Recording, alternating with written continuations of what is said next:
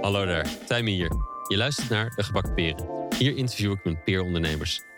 Tuurlijk hebben we het hier over de onderneming, maar ook juist over de persoon achter het bedrijf en hoe de reis van het ondernemerschap voor hen was. Wat hebben zij geleerd als zij terugkijken op de successen en de woestere tijden? Wat drijft hen? Wat was nu eigenlijk de grootste uitdaging? En hoe heeft dat hen gevormd? In mijn werk coach of train ik ondernemers zodat ze een goed bedrijf leren bouwen. Daar kom ik met mijn slimmigheden, modellen, scherpe vragen. Maar er is natuurlijk juist ook zoveel wat je van elkaar kunt leren. Dus hoor hier het echte verhaal. Hopelijk helpt het jou in jouw reis. Misschien simpelweg door slim inzicht, maar nog meer door de steun, de peer support van erkenning. Ondernemerschap is de beste school voor persoonlijke ontwikkeling. Maar misschien kun je sommige lessen met minder schade en schande leren. Door slim te spieken. Of in dit geval door af te luisteren. In deze aflevering is Marnix Kluiters te gast.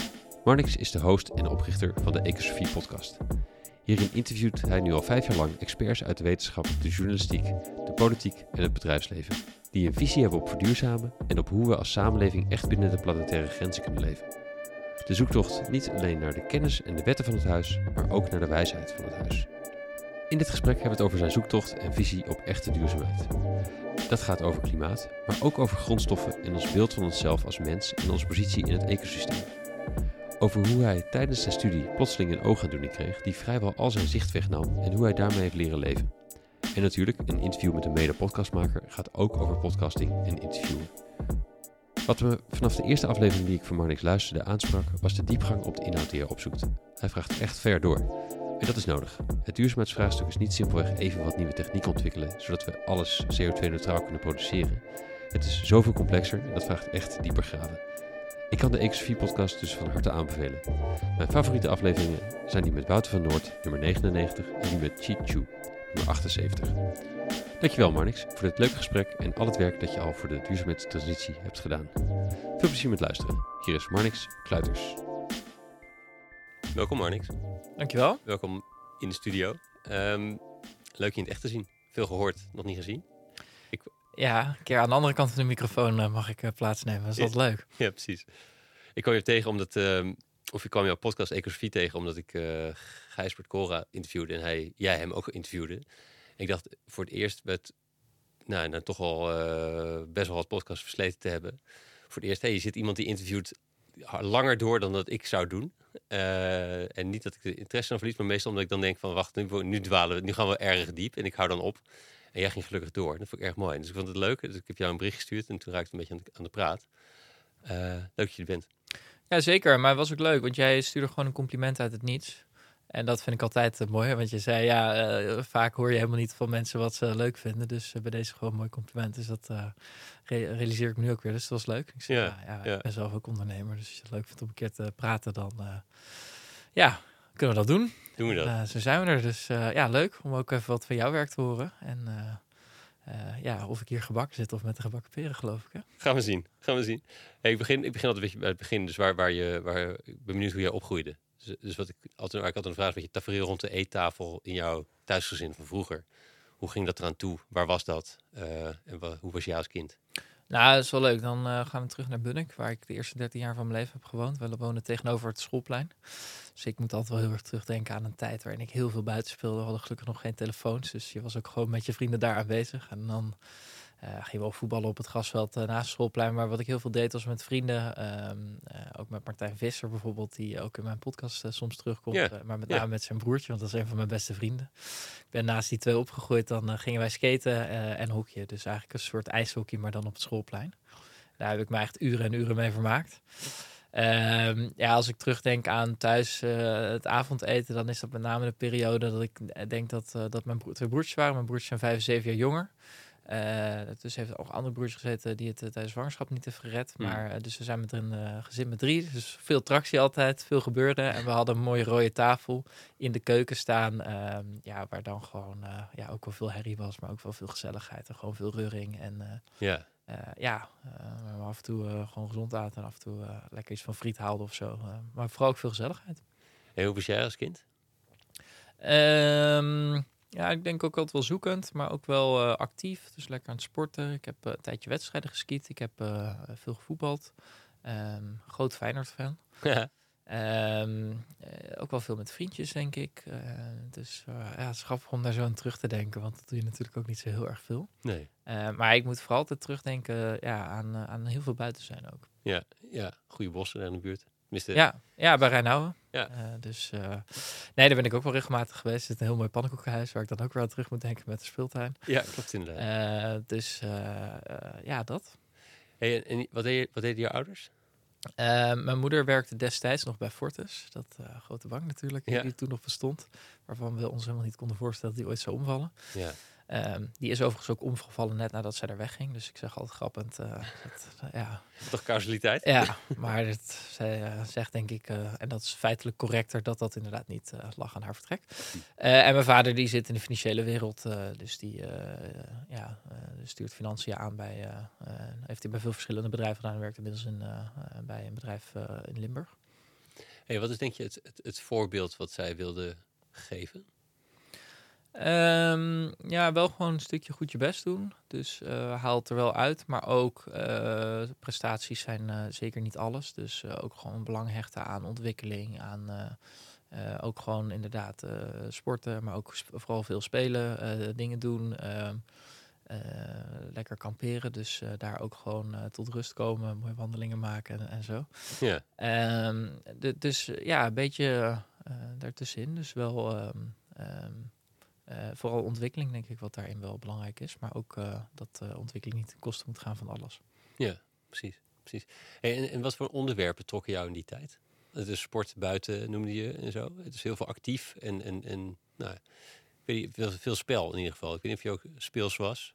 Eh, Ja, ik zit wel te denken. Ik ben heel benieuwd als mijn ouders dit horen of ze het hiermee eens zijn of niet. Maar ik denk het wel. Ik hield ook heel erg van spelletjes. Dus van eh, Risk heb ik heel veel gespeeld. Ja, ja, ja. Monopoly ook. Maar Monopoly vond ik eigenlijk ja, veel te veel geluk. Ik wil altijd graag invloed hebben op dingen. Dat is ook ja, met Mm. mijn ondernemerschap nu. Ik heb bijna alles wat ik qua werk doe zelf gecreëerd. Dus vind ik ontzettend leuk om heel erg aan die knoppen te draaien. ja, En iets waar ik helemaal geen invloed op heb, maar waar je als supporter wel denkt invloed op te hebben, is natuurlijk eh, mijn supporterschap van Feyenoord, waar ik echt heel erg veel mee bezig was. Van Oh ja. eh, het spelletje op de PlayStation, FIFA, waar je dan eh, toch altijd Feyenoord kiest. En, en gewoon ook met mijn ouders, die eigenlijk niks met voetbal hadden, die me toch gewoon meenamen naar de Kuip op mijn achtste. Eh, mijn vader, en ik weet nog dat we daar die grote trappen op gingen en dat je daar dan het prachtige stadion binnenkomt.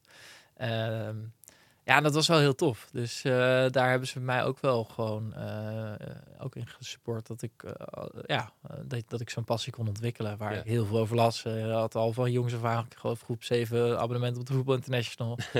Dus ik las alles. En ja, daar ben ik echt heel veel mee bezig geweest. Maar vooral nog steeds mee bezig. Dus, ja, ja. ja. Wa- waren er ondernemers in de, in de omgeving?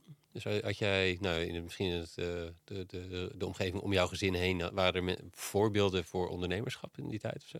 Nou, niet dat ik dat zo, zo goed kan herinneren. Ook als ik nou nadenk over de school waar ik op zat met vriendjes, dan zou ik niet zo weten wie Nee. daar nou een onderneming in had. Had je, had je een, eh, misschien een andere vraag, maar had je, had je een beeld van ondernemerschap? Nee. Ehm, ik heb eigenlijk gewoon heel lang gedacht dat ook studies die ik heb gedaan, dat, eh, dat je gewoon een studie deed en dat je met dat pakketje eigenlijk precies aansloot op een vacature. Ja. Dus eh dat is ergens voor mij ook al, ik geloof dat 80% van de mensen niks met hun studieachtergrond doet. Ehm, maar ja, ik dacht eigenlijk dat het een heel logisch verloop was, terwijl dat natuurlijk helemaal niet eh, het geval is. Want Ja. er zijn maar een bepaald aantal vakken natuurlijk die precies opleiden tot, tot waar je terecht komt. Ehm, dus ik heb daar eigenlijk eh, nooit zo over nagedacht. Eh, dus ik heb ook pas later besloten. Ja, ik ben er eigenlijk een beetje struikelend eh achter gekomen in mijn carrière dat Mm. ik dat loningsverband helemaal niet leuk vond. Terwijl ik altijd wel heel initiatiefrijk geweest ben. Ook op, op school weet ik nog een heel mooi voorbeeld dat er was een Fox Kids Cup. En eh, dat was echt in groep 8 of zo, denk ik. Fox Kids Cup. Ja, Ja. oké, ja.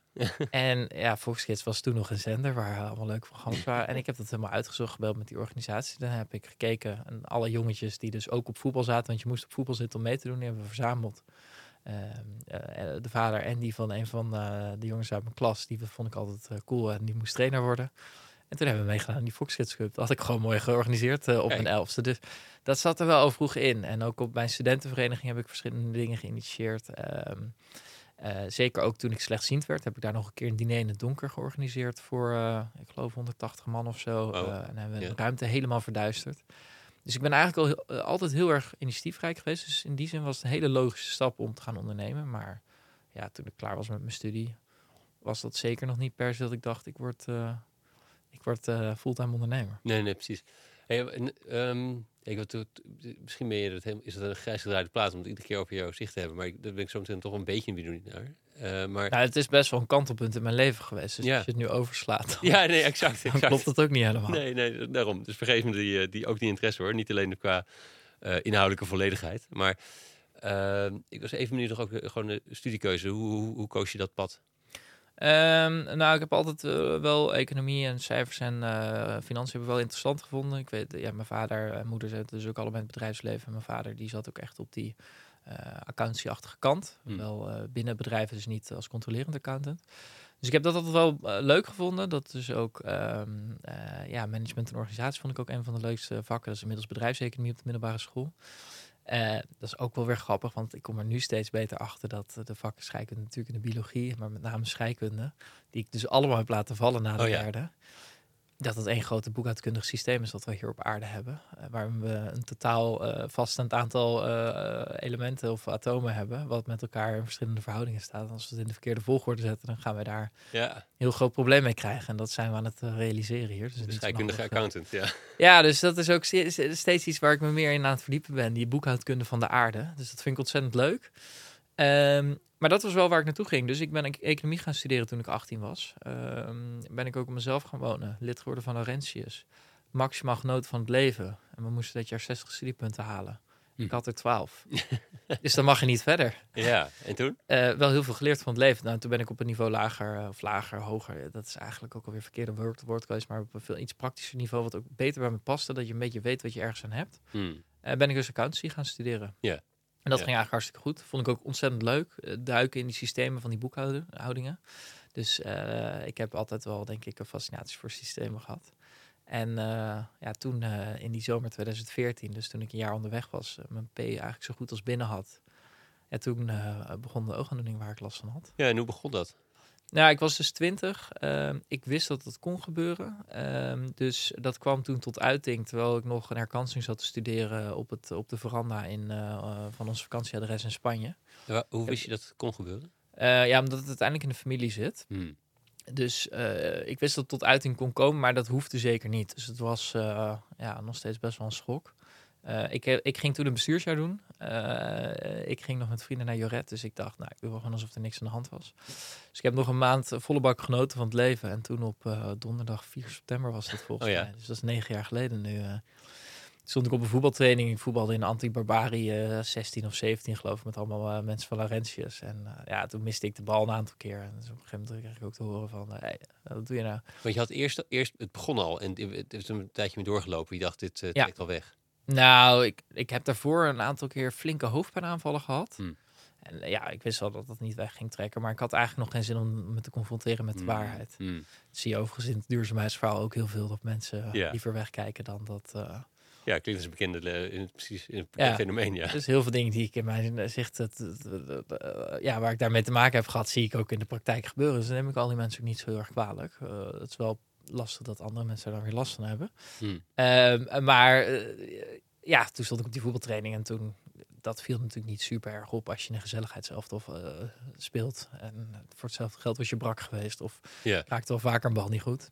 Maar jij miste toen, het- eh, besefte je toen van, oh fuck, ik moet hier echt iets mee? Of, Ja, dus we gingen na afloop ook nog een bier. Toen had ik ook geen zin meer in bier. Toen heb ik mijn vader opgebeld. want ik weet dat ik dan de krachten van mijn vader moet benutten. En Hmm. Eh, niet mijn moeder die dan eh, dat daar veel eh, meer last van hebt. eh, terwijl mijn vader en ik allebei wat meer...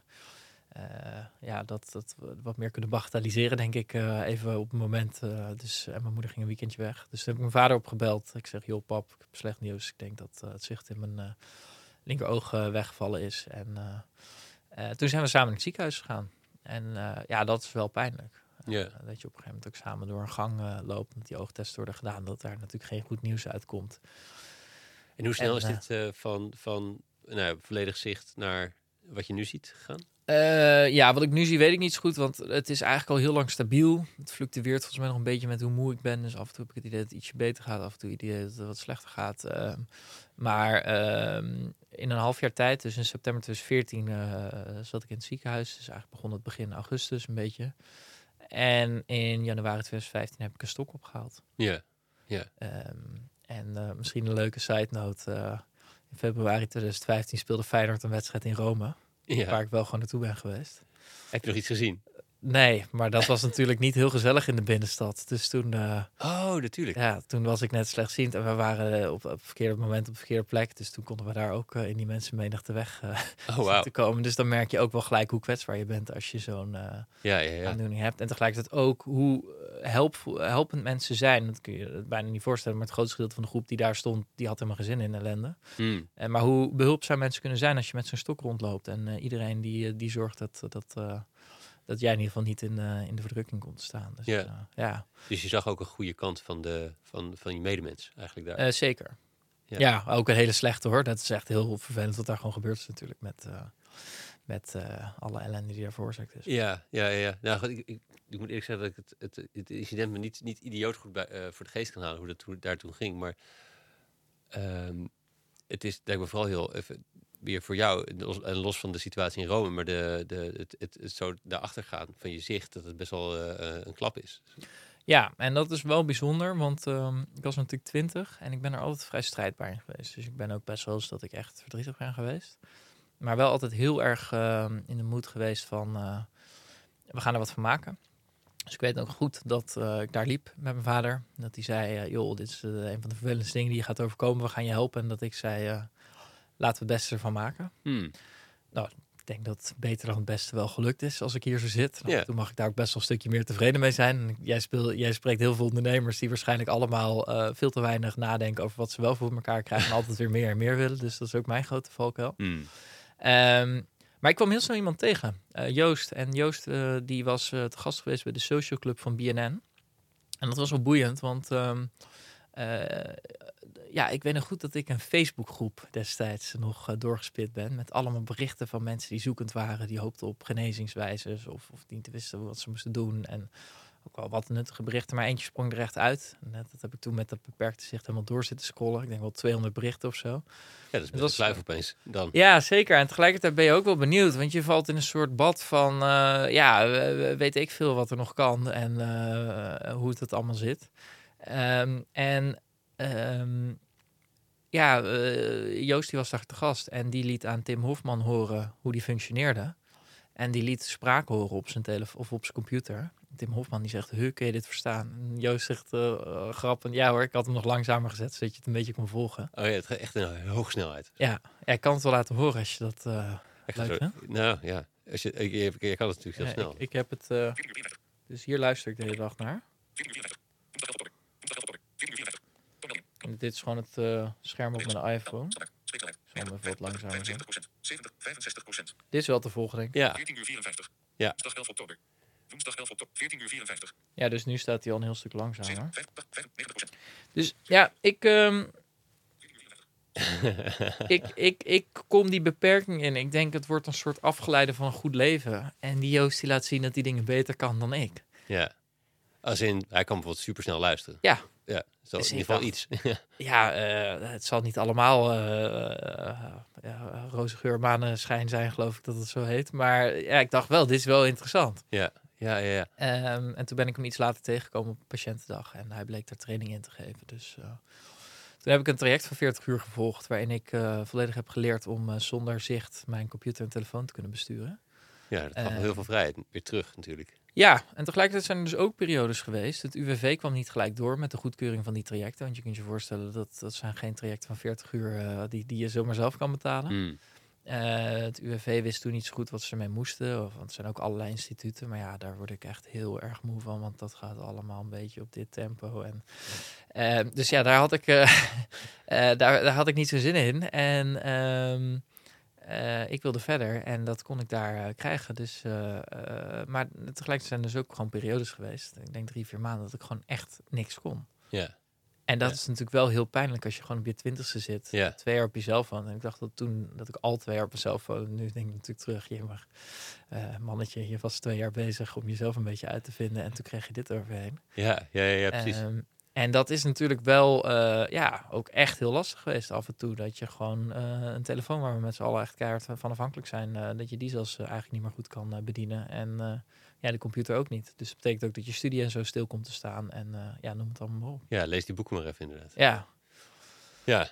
Hey, en denk, denk je ook dat stel dat het tien jaar later gebeurt, of twintig jaar later, wordt, wordt, denk je dat je er anders in had gestaan? Niet alleen qua, weet ik veel, neuroplasticiteit of zo, maar dat je het ook, of gewoon gewenning, dat moeilijk wordt, maar ook gewoon qua levensinstelling of zo? Dat je, je zegt, eh, toen 20 jaar, 22 net, eh, ja. Nou, dat, dat is natuurlijk, kijk, je zit natuurlijk in, eh in je studententijd een hele chaotische fase waarin je je carrière nog moet starten. Als je dus opnieuw start in je studie, ook niet zo'n ramp.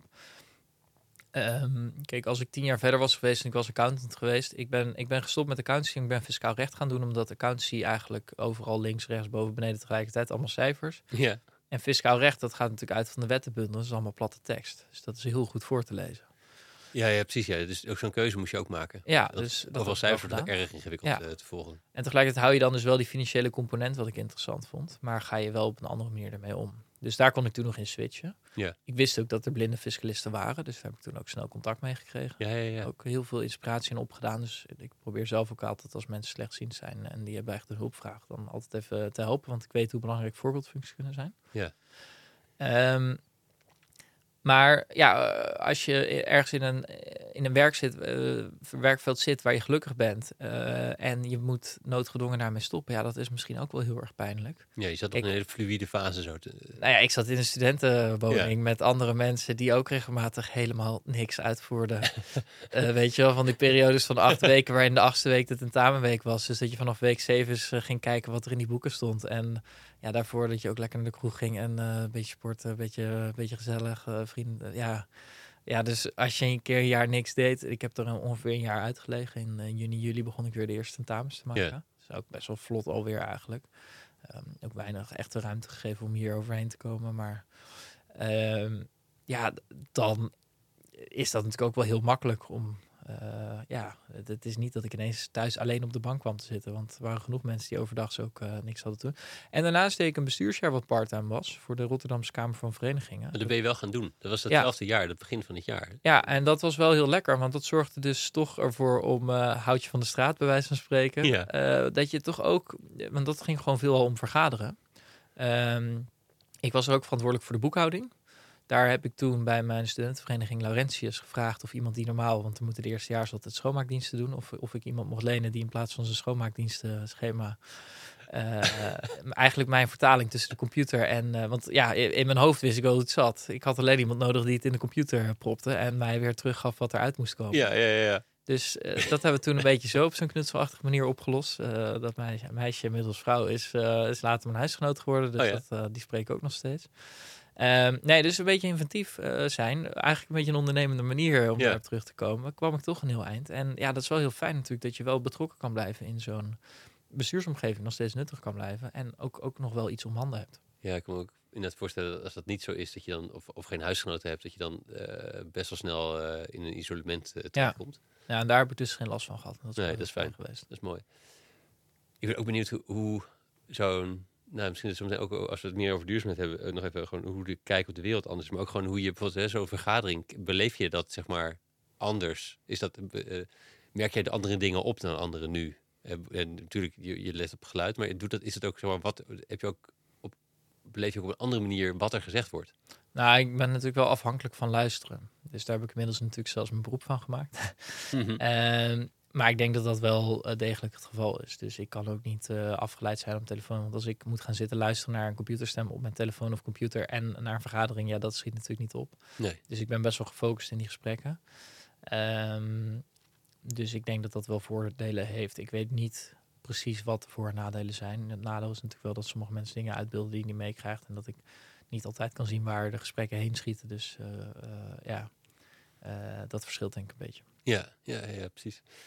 En eh, is, is podcast ook zo'n medium wat jij dus extra mooi of prettig vindt hierdoor? Eh, zeker. Eh, ik, ik vind het maar, echt... Of is het wat je, dat je. Ah, dat is ook nog een heel leuk verhaal. Want ehm, zoals ik je al zei, in juni, juli 2015 begon ik weer tentamens te maken. Ja. Wat er tussendoor nog is gebeurd, is dat ik in maart 2015, ik heb dus wedstrijden geskiet toen ik jong was. Grote passie voor skiën. En ehm, ja, ik dacht dat dat eigenlijk niet meer echt zou kunnen. Ik wist nog wel dat het een beetje kon, maar eh, toen was daar de Nederlandse visueel gehandicapte skivereniging. Ja, je had in januari een stok opgehaald, zei je. Ja. En, dat, en, en dat, dat is waarschijnlijk omdat je dacht, ja shit, ik kan echt niks meer zonder stok. Ja, nou, ik weet ook nog wel dat een huisgenoot zei, joh, maar niks. Je kunt eh, niet meer fietsen, je loopt buiten met een stok. Eh, is dat skiën nou nog wel zo'n goed idee? Moet je niet gewoon accepteren dat het niet meer kan? Dat ik terug zei, ja, die Nederlandse visueel gehandicapte skivereniging is er. Dus er zal wel iets mogelijk zijn. En ik ga er gewoon heen en dan zien we wat er gebeurt. Ja. Dus wij naar een reis. Ja, het is ook een vereniging voor... Ja. ja, ja, precies. En eh, dat was wel grappig, gezinsreis. Dus eh, ik denk dat we met iets van 100 man in, het- in, in het hotel zaten. Met eh, een stuk of 20 begeleiders. En dan 20 mensen die uh, blind slechtziend zijn. En allemaal gezinsleden die meegingen. Hmm. En dan stond ik op de kinderbui op een gegeven moment eh, samen met Kees, die een van die guides was. Dus die guides die eh, gaan eh, een week mee als vrijwilliger. Wauw. Heel tof dat ze daar, zich daarvoor inzetten. En die zei, joh, maar niks, laten we maar kijken hoe ver je nog komt. Ehm, kun je nog achter me aanskiën? Zij skiet weg en binnen een fractie van een seconde zag ik hem niet meer. Nee. Dus dan denk je wel, poeh, daar gaat mijn passie. Ja. En ehm, hij roept naar boven, kom eraan. Dus hij weer naar boven klauteren. Dat duurt natuurlijk even als je heel stuk naar beneden staat. Zei, we gaan het anders proberen. Jij gaat voorskiën, ik achter. En eh, toen is hij maar met commando's de berg af gaan begeleiden. Oké.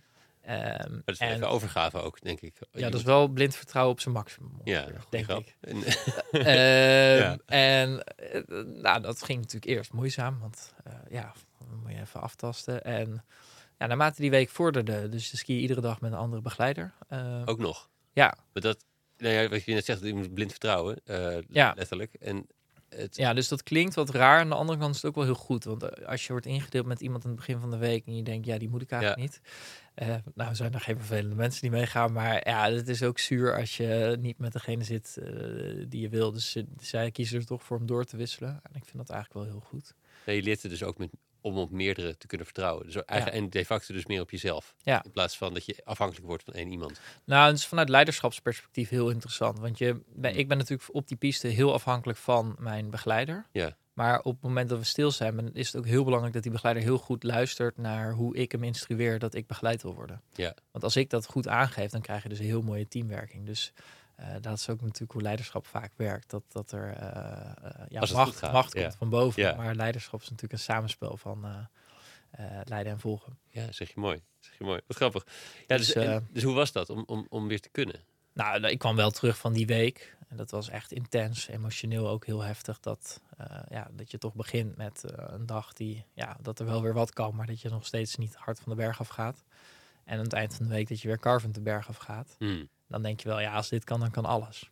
Ja, Zo ben ik ook het leven aangevlogen toen. ja. Dat resulteerde erin dat ik eh, het jaar erop al mijn studiepunten ging halen. Eh, ik startte met het tweede jaar. Dat ging zo goed dat ik dit vak van het derde jaar erbij ben gaan doen. Dus ik haalde meer punten dan ik ooit had gehaald Oh ja. met zicht. Ehm, en toen ben ik stage gaan lopen bij een groot accountskantoor.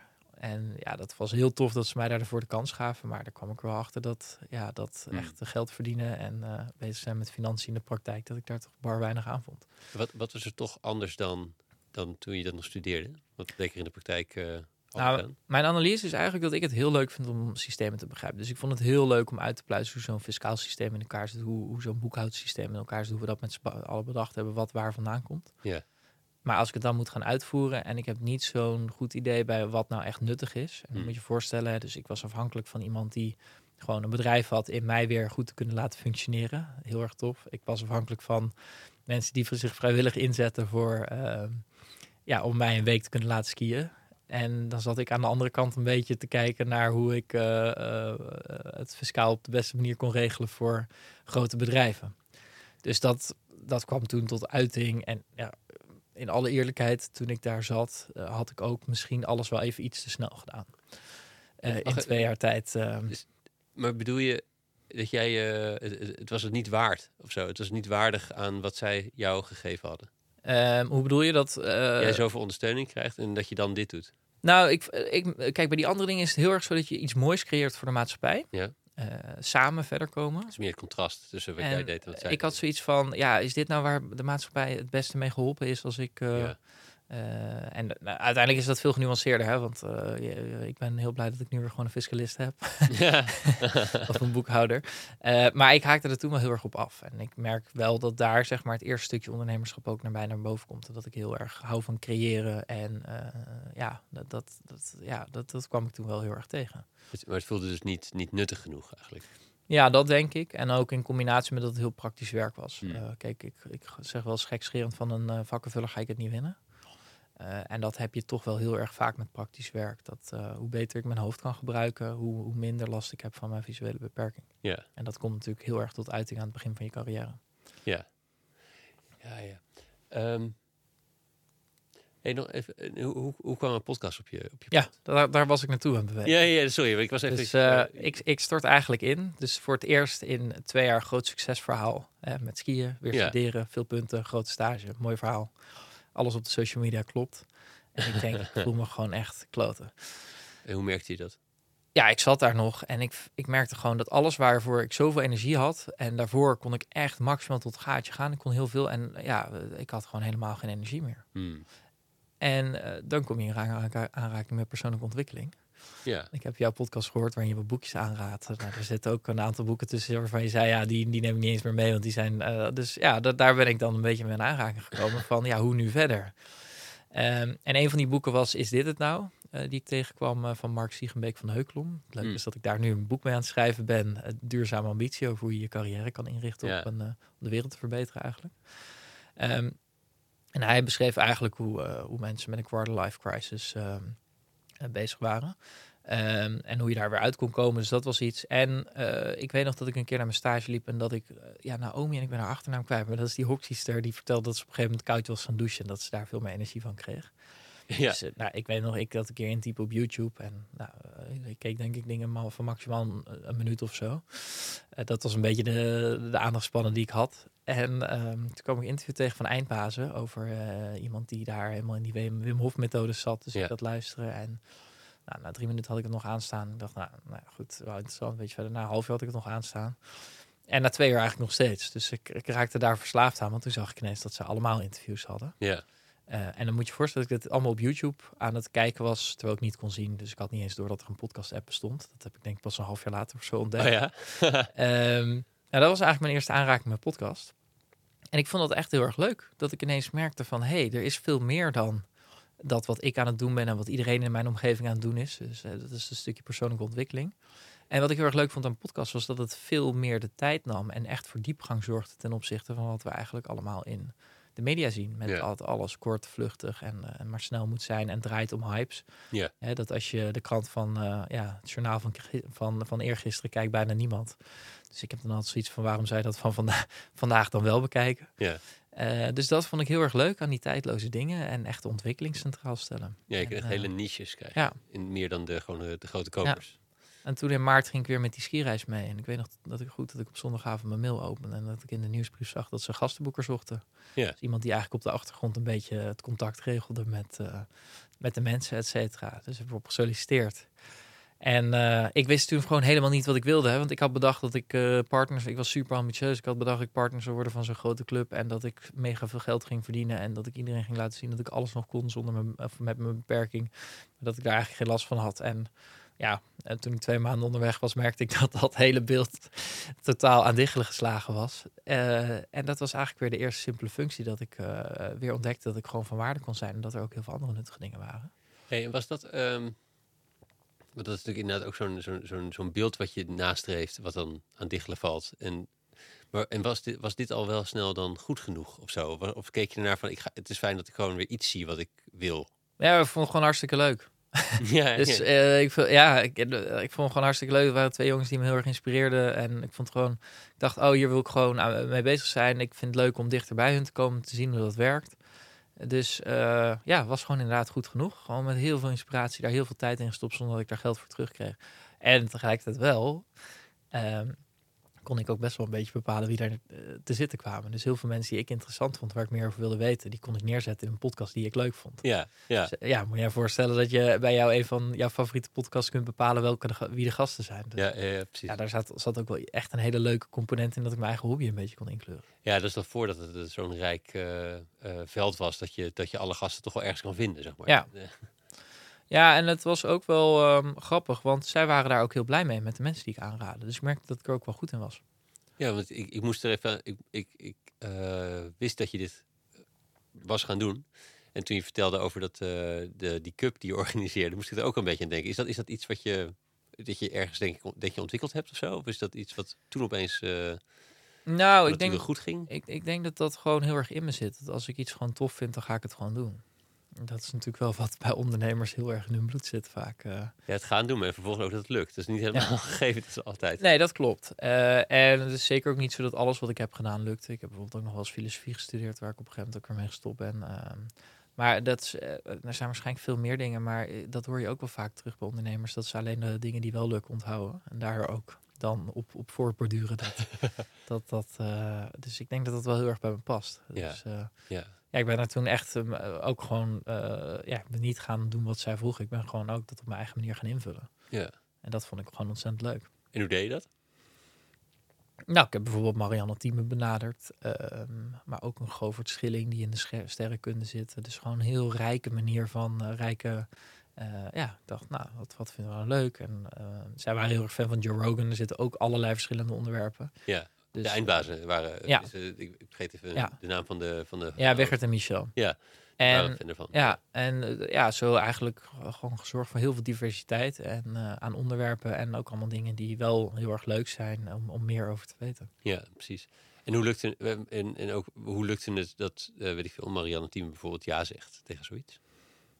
Ehm, ja, dat is grappig, want Jan Terlouw had bijvoorbeeld ook ja gezegd. Ja, dat is toch een stukje leuke mail sturen, plus dat zij ook wel gewoon leuk bereik hadden en best wel. eh, ze zaten echt wel in het begin van dat podcast hip werden, want dit was in 2017 toen ik die functie had, moest ik ook echt nog aan mensen uitleggen wat een podcast was. Dat kun je nu niet meer voorstellen, maar dat is echt heel erg anders geworden. Ehm, dus in die zin was het heel erg vernieuwend. En heel veel van die mensen vonden het ook heel erg leuk om eh, ja, een beetje de diepte in te gaan. Ja, Ik merk natuurlijk zelf ook dat ze iedere keer maar gevraagd worden voor één minuut. Ja, precies. precies. Dat, lijkt, dat lijkt mij ook echt een, echt een draak om te moeten doen. Eh, Iets in één minuut, zeg maar. Dat is Ja. gewoon kletsen is toch lekker. Ja.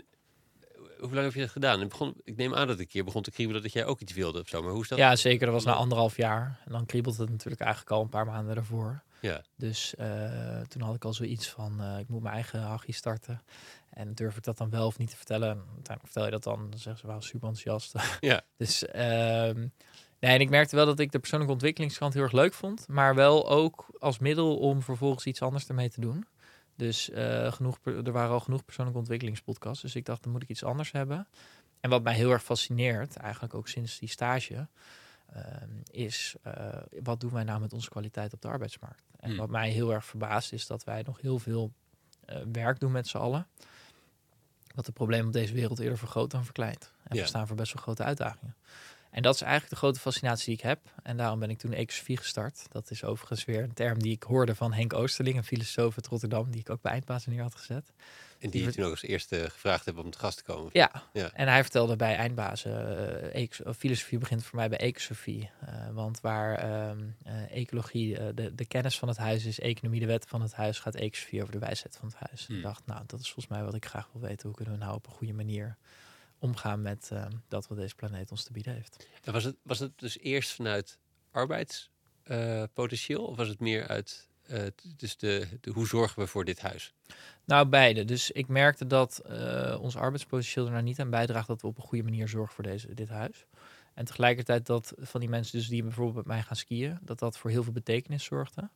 Ehm, en dat als wij eh, een betekenisvol leven willen hebben met z'n allen, wat volgens mij toch uiteindelijk iedereen wel wil, Hm. eh, dat we dan ook op een bepaalde manier hebben om te gaan met eh, dossiers als klimaatverandering, biodiversiteitsverlies, waterschaarste, grondstoffenschaarste, noem het allemaal maar op. Ja. Ja, uiteindelijk heb je daar nu het planetaire uh, grenzenraamwerk voor.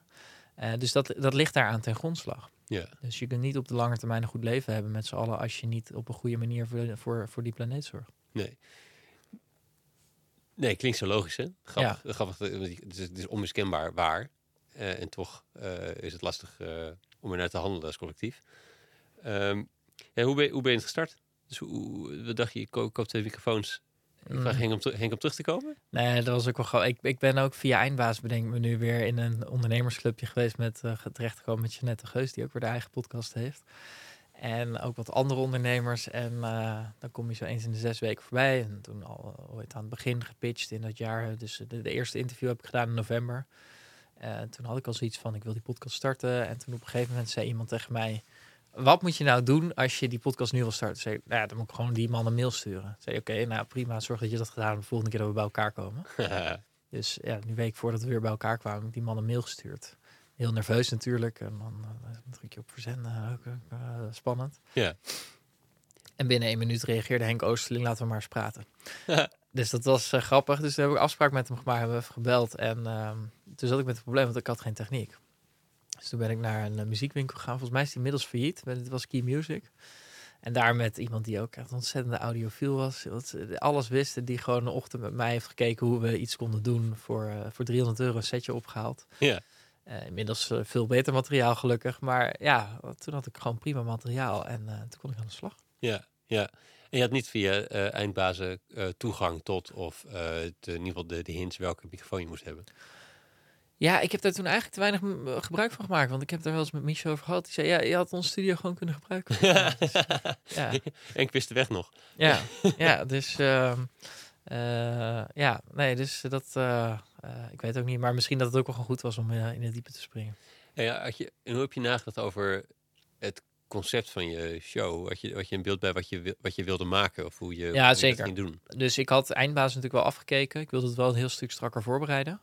Uh, en toen heb ik gewoon een lijst met namen gemaakt, gewoon een beetje de, de, de rijkwijde was. Uh, ik had expres voor ecosfie gekozen, niet voor iets van klimaatverandering of zo. Want Mm. ik wilde veel bredere kaps ook hebben om uh, mensen over te interviewen. Eigenlijk gewoon de hele transitie naar hoe we ja, eigenlijk naar een fatsoenlijke economie kunnen gaan die, die waarde creëert in plaats van waarde vernietigt.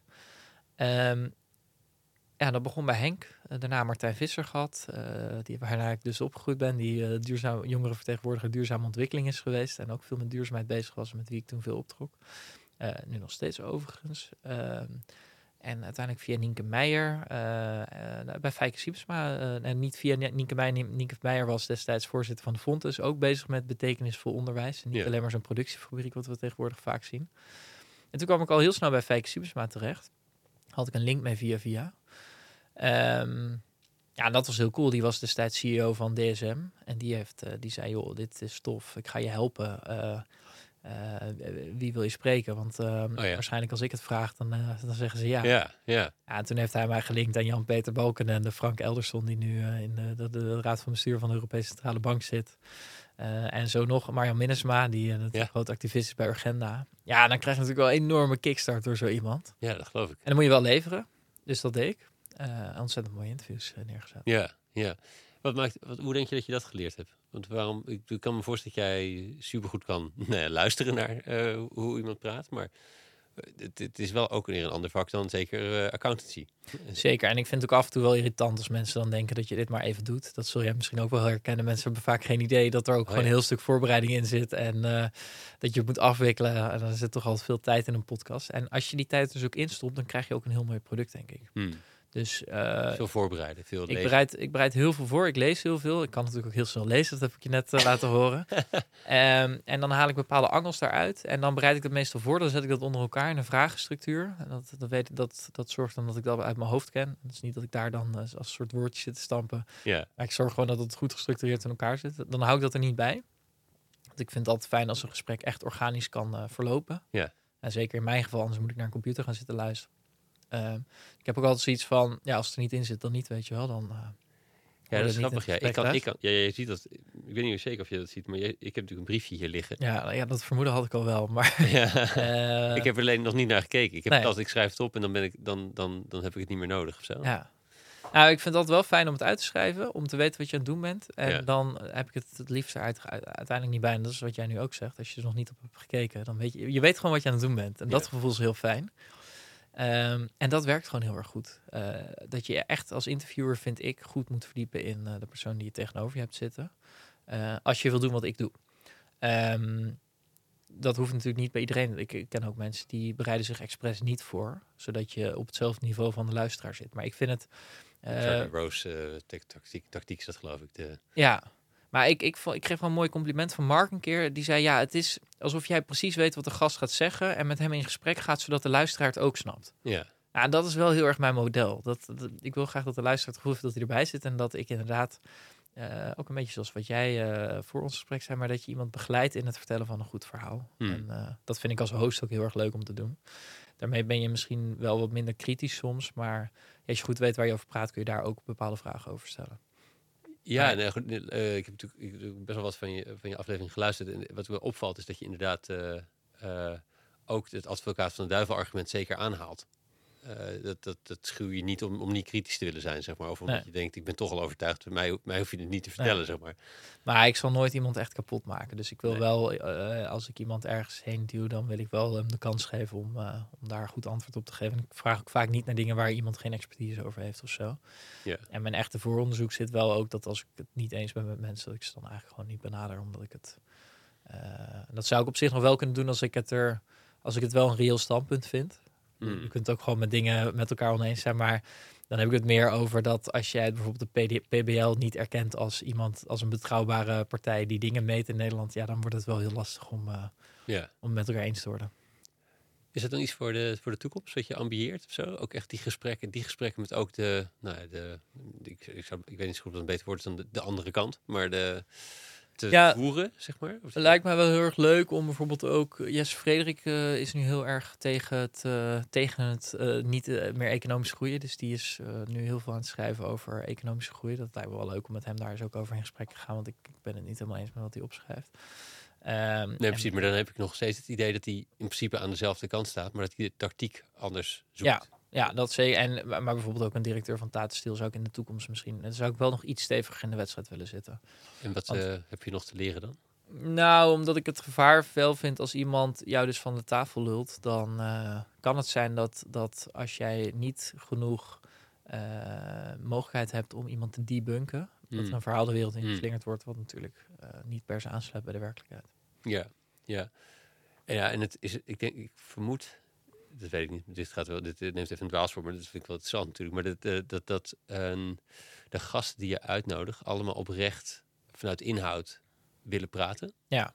En ik weet niet of een, nee, ik, ken de directeur van Tata Steel niet persoonlijk, dus ik weet het niet. Maar de, daar zit heel veel spin, heel veel framing, heel veel politiekachtig werk Ja. natuurlijk. En dat, Nou, zeker. En dat heb ik ook wel gemerkt. Ik heb Rob ook wel eens geïnterviewd. Ja, dan kun je heel erg gaan lopen zagen op wat hij allemaal niet voor elkaar heeft gekregen. Maar die zit ook in een coalitie met de VVD en CDA en ChristenUnie. Dus die, die kan daar al niet helemaal zijn eigen agenda ehm, eh, uitrollen. Eh, dus ja, dan kun je heel erg gaan duwen op alles wat er verkeerd gaat. Je kunt ook hem een verhaal laten vertellen over wat er gebeurt. Hmm, Dus veel meer vertellen wat er gebeurt dan dat je daar heel erg opinierend in zit of het goed of fout is. Dan kun je nog steeds een hele leuke podcast krijgen. Maar ja, om een minister die helemaal ge- gedrilled is in mediatraining. Eh, dat is moeilijk toch? Ja, Ja. dat, dat, dat schiet niet op. Dan moet je inderdaad echt Sven Kokkelman zijn. En zelfs die komt daar vaak niet uit. nee, ja, ze, ze- ik, ik, hoe heet zo'n programma ook? Is dat Brandpunt? Ik weet niet zo goed meer. Daar, daar wist hij wel echt wel een soort eh, iemand de hoek in te zetten of zo. zeg maar. Oké. Dat is oude, oude shows. Volgens mij al, eh, ik kan me niet voorstellen dat hij niet de Sonja Barend prijs een keer gewonnen heeft. Nee, goed. anyway, ehm, ja, hoe is dat? Hoe, ja, die ging eerst een vliegende start. Ehm, het- althans, dat, dat zo, zo, dat, zo, zo denk ik dat ook een beetje. Ehm, en je had nog een baan ernaast. Dus je bent ook weer gaan werken volgens mij ernaast. Ja, klopt. Ik ben eerst voor het bedrijf Babbage gaan werken, wat, eh, waar ik zelf ook die trainingen van heb gehad. Oh ja. eh, van Joost eh, van Loon. Dat was heel betekenisvol werk. Op heel veel plekken gezeten waarin ik mensen echt weer vaardig heb gemaakt om, om mee te kunnen draaien Ja. zonder zicht. Ja. Tegelijkertijd merkte ik al wel snel dat ehm, ja, ik vaak toch over grotere dingen na wil denken. Toen kwam ik via via bij Van Landschot Kempen terecht. Ehm, en ja, ik was eigenlijk helemaal afgehaakt bij de financiële sector. Ja, toch weer een beetje erin. Ja, ik, je bent ook wel gevleid als een groot bedrijf interesse in je toont. Mm. Eh, zonder dat je er zelf naartoe bent gestapt. Ehm, dus ik zei, nou ja, goed, praten kan altijd. Ehm, maar het enige waar ik zou willen werken is de duurzaamheidsafdeling, dus anders hoeft het niet. nou, toen kwamen ze keurig terug met de duurzaamheidsmanager. Terwijl Was, ik- het, was de toon ook zo, dat je, toen ze het vroegen? Of was het... nou, er zat een partij tussen, Sea Talents, dat is ook wel weer heel leuk. Die, ehm, die hebben een restaurant voor blinden, of Ja. niet voor blinden en slechtzienden, maar met blinden en slechtziende obers in dienst. En Sandra Balli die dacht op een gegeven moment, hoezo staan hier heel veel obers met een WO en HBO-opleiding? Dat is natuurlijk heel raar. En dan bleek dat heel veel mensen eigenlijk eh, zonder zicht of met andere beperkingen helemaal niet aan de bak kwamen. Hmm. Toen is zij een eh, werving- en selectiebureau, is dat denk ik gestart. In ieder geval, zij plaatst, eh, zij, zij zoekt bedrijven die met dit vraagstuk aan de slag willen gaan. Ja. En zij levert kandidaten die ja, gewoon bij grote bedrijven kunnen werken. Oh, wow. En eh, ja, daar had ik me ooit een keer ingeschreven. Ik dacht, dat is altijd wel handig, maar ik kan het ook allemaal zelf, hè? dat denk ik de hele tijd.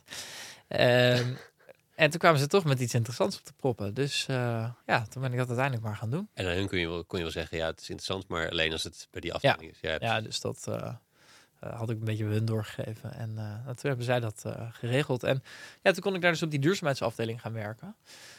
Eh, en het leek me heel erg leuk om ook wat meer op macroniveau met duurzaamheid bezig te zijn. Maar wat ik daarin onderschat had, eh, was dat eh, bij een bank werken op een duurzaamheidsafdeling nog steeds heel kwantitatief is. En ik was juist van accountancy naar fiscaal recht overgestapt om van dat kwantitatieve wat meer af te zijn. Dus dat was zo makkelijk nog niet. Ja, dus ik ben daar eigenlijk nooit eh, heel veel geleerd. Echt hele leuke mensen ook ontmoet en echt heel veel aan gehad, maar niet zo uit de verf gekomen als dat ik gehoopt had. Eh, uiteindelijk ehm, kwam een beetje tot een punt dat ik dacht, ja, ik moet of iets anders gaan doen, of, eh of buitenbedrijf of, of binnenbedrijf. En toen dacht ik, nou ja, volgens mij doe ik buitenbedrijf best wel iets interessants met ecosofie. En podcasten werd toen ineens eh, steeds meer booming. Dus waarom doen we niet ook meer met podcasten binnen Van Landschot?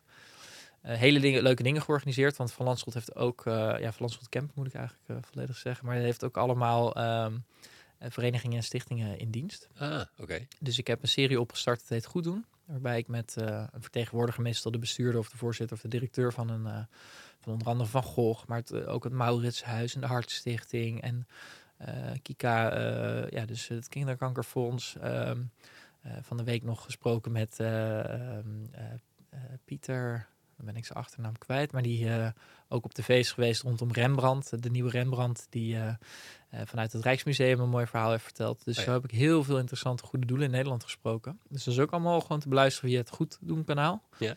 Ehm, dus, dat was, ja, dus dat was echt ehm, eh, heel erg leuk om daar ook weer heel creatief bezig te zijn. En gewoon ook als een soort eh intrapreneur heet dat geloof ik, eh, binnen het bedrijf eh, Ja. dingen te kunnen realiseren. Ehm, toen op een gegeven moment heb ik een keer een hersenschudding gekregen. Oh. heb ik er best wel lang uitgelegen. En eh, toen ook bedacht dat ik eigenlijk eh, ja, de balans in mijn leven niet helemaal klopte. Dat ik eigenlijk meer eh, voorkeur moest gaan geven in ecosofie en van Landschot erbij moest doen. Dus toen ben ik... Je had opeens twee banen eigenlijk. ja. Het klinkt alsof je dubbel Ja. werk aan, Ik- als voor twee aan het werk was. Ik weet nog goed dat ik met mijn huisgenoot op het terras zat en met zijn ouders erbij en zijn zusjes, omdat hij afgestudeerd was. Vader houdt een mooi verhaal en op een gegeven moment, eh, ja, wat doe jij dan maar niks? Dus ik, ja, drie dagen per week bij Van Landschot campen en twee dagen voor mezelf. Mijn huisgenoot, oh ja, vier dagen voor jezelf. Dus ik zo, huh? Vijf dagen. Zo. Ja, ja, in het weekend werk je ook altijd, vriend. En dat was al een beetje dat ik dacht, hmm, ja, klopt inderdaad wel. Dat heb je natuurlijk niet altijd door. En toen heb ik iets van een week of twee weken later mijn hoofd heel ongelukkig gestoten. Maar dat was ook een beetje een optelsom van weer veel te veel doen. En, eh, De, de kans was steeds groter dat dat ging gebeuren. Of zo. ja, Hm. en toen daarna wel op een gegeven moment bedacht van... eh, volgens mij moet ik daar gewoon naar dienst gaan. Nog steeds actief als freelancer, dus dan doe ik nog steeds leuke podcastopdrachten. Maar eh, ik ben wel heel veel bezig met mijn eigen proje- projecten. En dat Ja. eh, vind ik ook ontzettend leuk om te doen. En hoe maakte dat je die sprong durfde te maken? Want ik kan me voorstellen dat, dat eh, de, nou, correct me if I'm wrong, zeg maar, maar dat, dat eh, de eigen podcast nog niet hetzelfde opleverde als, de, eh, als de of het werk wat je in dienst deed. Eh, nee, dus dat was ook wel heel fijn om daarvoor een vast via als freelancer door te kunnen gaan in zijn eerste ondernemersjaar. Ja, Ehm, en tegelijkertijd zorgt het er ook voor dat je veel beter gaat nadenken over je business case. Dus ik ben ook eh, steeds meer gaan nadenken over het geven van lezingen, sponsoring voor de podcast, wat tot stand is gekomen. Eh, andere podcastseries die ik maakt, die ik heb gemaakt en nog steeds maak. Dus ik heb uiteindelijk vorig jaar december de Sociaal-Economische Raad be- benaderd. ja. Eh, maar jij vroeg hoe die stap was. Ja, die vond ik doodeng. Hm. Zeker ook omdat, ehm, eh, ja, je gooit toch ook wel iets weg. Eh, je kan niet zomaar weer terug in dienst. Dus dan zit je heel erg met van die dingen van ga ik het dan wel redden? En als ik er nu op terugkijk, denk ik, ja, maar had ik veel eerder moeten doen misschien wel. Ehm, maar ja, ik heb er ook veel aan gehad. Dus, zei eh, wel dat je ehm, eigenlijk altijd dacht, ik kan het, of zo. Heel, Ja. Ook, zeker na de, het weer leren skiën bijvoorbeeld. Ja. Dus je had ergens wel een soort van ik denk dat ergens in jou zegt ook, ik kan het wel. Maar Ja, maakt het dan toch spannend? Nou, ook wel gewoon een stukje echt eh, mooi inkomen wat je daar hebt. En eh, kijk, ik heb Ecosofie wel ook echt kunnen opbouwen, omdat ik altijd vast inkomen heb gehad. Ja. Eh, het begint nu een beetje business-wise ook nog steeds niet echt. Ik ben heel erg hard op zoek naar sponsors. Dus mocht je luisteren en denken, leuk duurzaam bedrijf hebben je wilt sponsoren, dan stuur mij vooral een mail, want dat, dat moet echt nog beter. Ehm, maar ik heb dat, ik, de Ecosofie heeft in die zin altijd wel aan het infuus gelegen, ook bij het inkomen wat ik uit eh, mijn vaste baan gewoon heb gehaald. Ja. Dus eh, ja, dan moet je op een gegeven moment wel zorgen dat dat eh, door kan gaan. Want ja, als je geen inkomen hebt, dan zul je op een gegeven moment weer terug, op zoek moeten gaan naar een baan. Dan was het ook weer ten koste gegaan van mijn podcast. Dus Ja, ja. aan de andere kant wist ik ook wel, ja, je moet jezelf ook wel een keer in het diepe gooien. Anders kom je met die podcast ook niet verder. En weet je nog hoe je het besloot uiteindelijk? Want dit klinkt ook een beetje als een rechts voorbij iets te zeggen, een impasse. En Nou, ik heb er wel zo lang mee gelacht, gewacht dat het besluit eigenlijk niet, eh, dat ik er niet meer omheen kon. Dus, eh, wat dat eh, betekent? Nou, dat, dus ik had die hersenschudding op een gegeven moment. En ehm, eh, ik merkte dat ik niet meer echt goed terugkwam. ehm, eh, en eh, dat gewoon die nieuwe constructie eigenlijk veel beter in elkaar zat. Dat ik er me dan weer in, als een vis in het water voelde. Ja, ja. Hey, ben ik wel benieuwd. Dus dat je natuurlijk een beeld misschien al vooraf had over duurzaamheid en wat er allemaal voor nodig was. En eh, je begint ook met interessante mensen spreken en eh, best wel snel ook echt best wel eh, invloedrijke personen spreken. Ja, wat, zijn, wat zijn de, de, de, de grootste nou, soort, soort, soort de inzichten die jij opdeed, zeg maar, die, die je het meest verraste? Nou, dat zijn er eigenlijk twee. Ehm, waar ik heel veel aan heb gehad, is een interview met Martin Scheffer over kantelpunten. Ja. En dat eh, haal ik altijd vaak aan als een metafoor. Dat eh, eh, als jij op een mooie kano zit en je kijkt een beetje over de rand, nog iets verder, nog iets verder. Springt op een gegeven moment een kikker op je kano. Je maakt een rare beweging en jouw kano slaat om.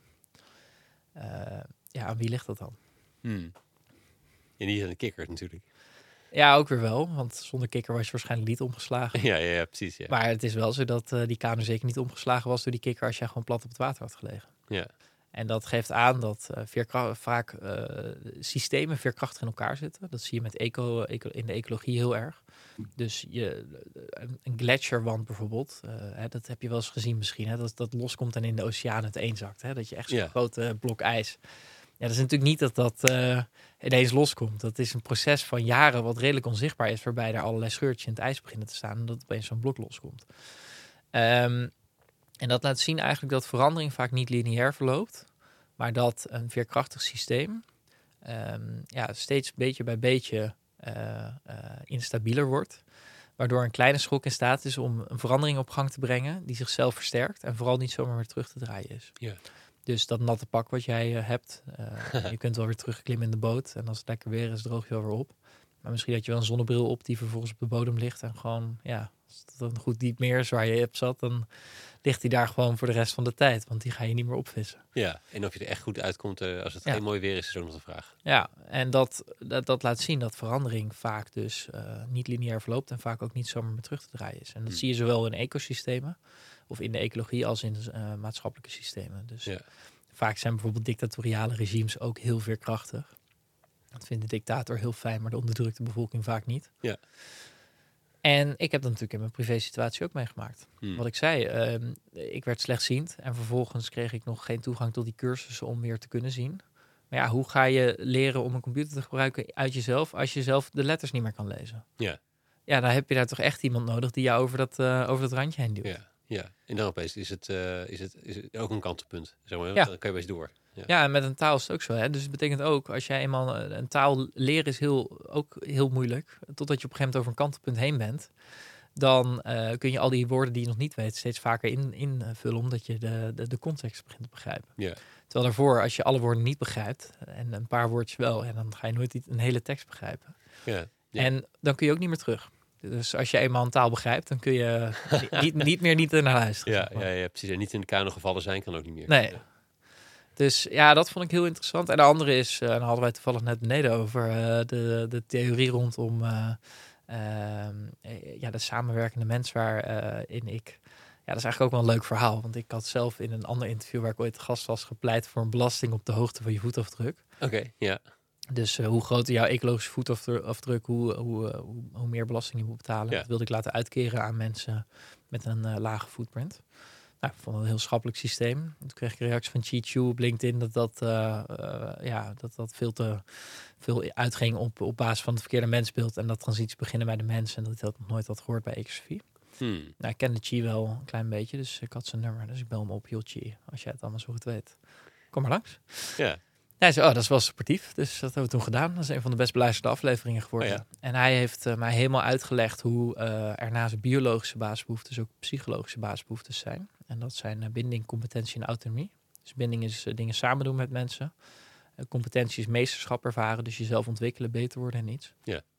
En competentie is dingen doen die je leuk of belangrijk vindt.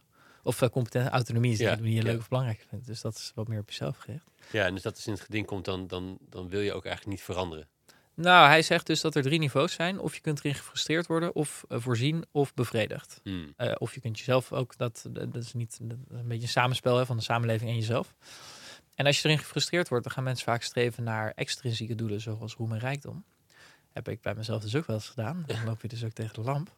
En als mensen daarin bevredigd worden, dan gaan ze steeds meer eh, dingen doen als eh, intrinsieke doelen, zoals streven naar gezondheid, streven naar maatschappijverbetering, streven naar eh, duurzaamheid, eh, al dat soort dingen, sociale relaties. Ja, En- en, altruïstischer ook. En ze zijn beter in staat om dwangmaatregelen te accepteren. Dus Ja, dat vond ik heel interessant. Want die weerbare mens. Ze, eh, dus ik heb geen mensen. eh, als we de transitie door willen maken waar ik me mee bezig houd, dan hebben we geen mensen nodig die weerstand geven. Maar mensen die weerbaar zijn. Dus dat vond ik heel fascinerend. Eh, Zo fascinerend dat ik inmiddels eh, vorige week begonnen ben met een van zijn trainingen. Ja, precies. En, en het, is, het is wel grappig. Dat je zegt, dus zo'n voetafdruk, eh, belasting, is, is- dat, dat, dat levert dus ook extra veel weerstand op bij degenen die nu al gefrustreerd zijn. Ja, dus hij zei: ja, dat is een prima systeem. Maar het is niet waar het moet beginnen. Ja. Als mensen dit willen accepteren, dan zul je toch echt bij de, bij de natuur van de mens moeten beginnen. Hmm. En hij zegt, ja, hier zijn zoveel eh, papers over verschenen uit de motivatiekunde.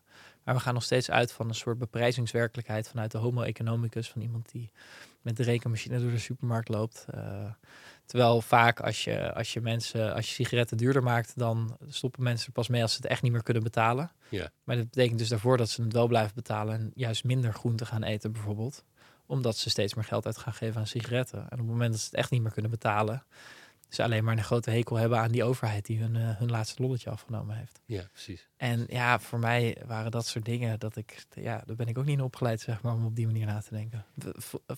Voelt wel veel kloppender aan, moet ik eerlijk zeggen. Maar Ja, het voelt, het voelt volkomen logisch als je het helemaal ziet. Of zo. Ja. Dat is ook misschien ook een kantelpunt. En, nou eh, ja, zeker. En ik denk ook vaak van ja, de, de- volgens mij krijgt niemand meer zin in een appel op het moment dat die iets goedkoper is. Dus eh, we moeten volgens mij eerst zorgen dat eh, een appel of groente en fruit, dat mensen daar dus eh, eh, zin in hebben om Mhm. gezond te eten. En ik weet ook, als ik veel te veel doe, dan is het ook veel makkelijker om, eh, om naar andere, eh, om, om lekker naar de vluchtige en de, de, de makkelijke dingen te streven. Ja, Ehm, en vervolgens moet je natuurlijk ook niet zorgen dat, dat, die appels mega duur zijn. Hè? En dat, dat een frietje eh, veel, veel goedkoper is. Dus dat moet ook in balans zijn. Maar dat is de tweede stap. ja, ja, dus als je het hebt, eh dus true pricing is, is een beetje wat je, ook, is eigenlijk in principe wat je doet met die, eh, Ja. dus daar zit die CO2-voetafdruk eigenlijk een beetje in, in verscholen. In zo'n soort systeem, maar dat, dat is dus een tweede stap. Ja. Wat hebben we voor die eerste stap nodig? Wat hebben we daarin te doen? Nou, ik denk op samenlevingsniveau dat we veel beter moeten gaan kijken naar die, eh, die menselijke behoeftes. Dus dat we naast de biologische behoeftes, dus als we het hebben over bestaansrecht, waar het nu in de verkiezingstijd heel veel over gaat, of, of over bestaansminimum, dat we dat zeker niet alleen biologisch moeten aankleden, maar vooral ook psychologisch. Hmm. Dat we heel erg zien dat we vinden dat iedereen maar eh, HBO of VO moet doen. Dat vervolgens iedereen die dat niet kan of niet haalt of misschien wel niet wil, dat we die minder waardig vinden. Ja. Ja, daar zit een heel groot probleem tussen. Omdat we wel compleet afhankelijk zijn van al die mensen die gewoon heel waardevol werk doen met een MBO-opleiding. Ja. En dat wordt gewoon vanuit de overheid ehm, gestimuleerd om iedereen maar in het hoger onderwijs te krijgen. Ja. En hoger is dus eigenlijk al een, een woord wat daar niet zo goed bij aansluit. Ja. Ehm, al een eh, psychische basisbehoefte ja. de, de, Dus tegenin draait. Ja. het gaat echt denk ik om die waardigheidsagenda, dat we iedereen waarderen zoals die is. En dan, dan gaan denk ik, denk ik veel beter. Maar goed, de opleiding net gestart. Ik heb twee interviews met Chi gedaan, dus ik weet enigszins wat vanaf. Maar eh, ik wil er nog veel meer van weten, hoe, eh, hoe verandering vanuit de mens werkt. Ja, ja, ja. Hey, en als je het hebt over een echte duurzame economie, dus daar spelen ondernemers een rol.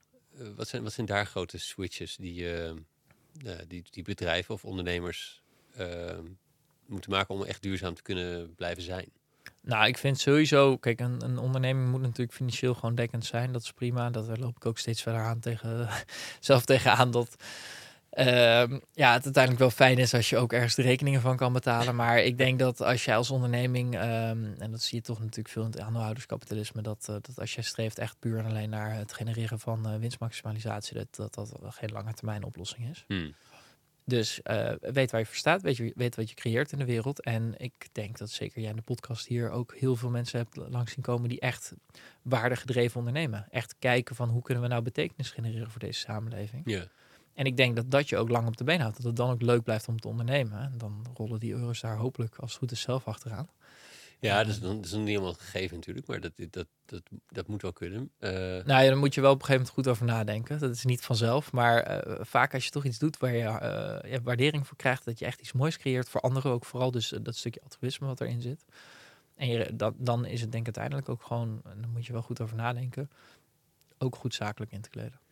hey, en, om, het is iets wat je belangrijk vindt.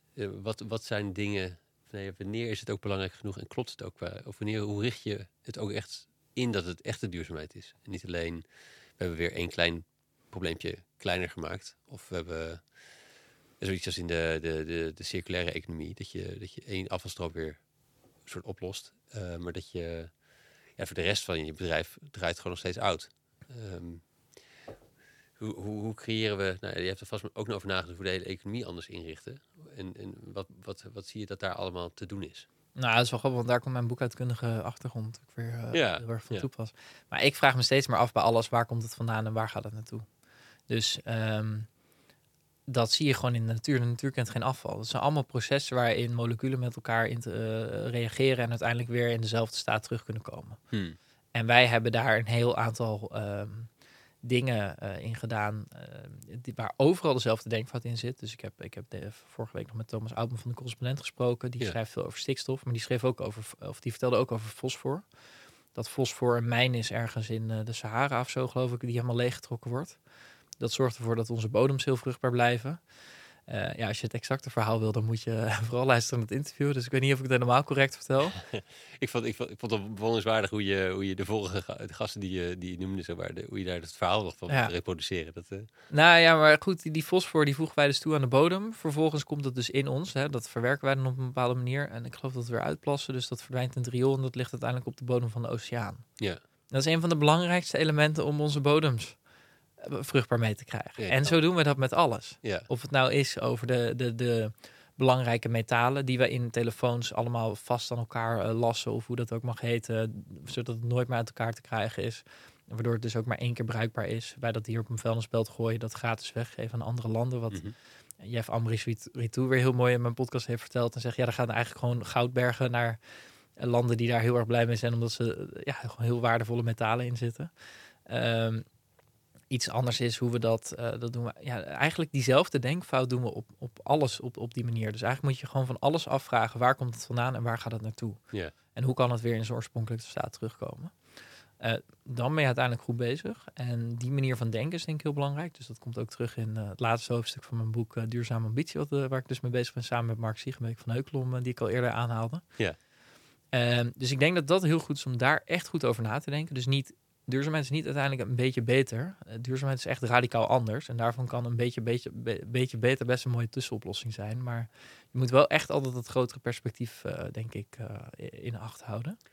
En wat is er voor nodig om zo'n groot kapitalistisch systeem ook dan, wat, wat, wat nu hongerig is voor meer groei, ook de goede kant op te, te wijzen?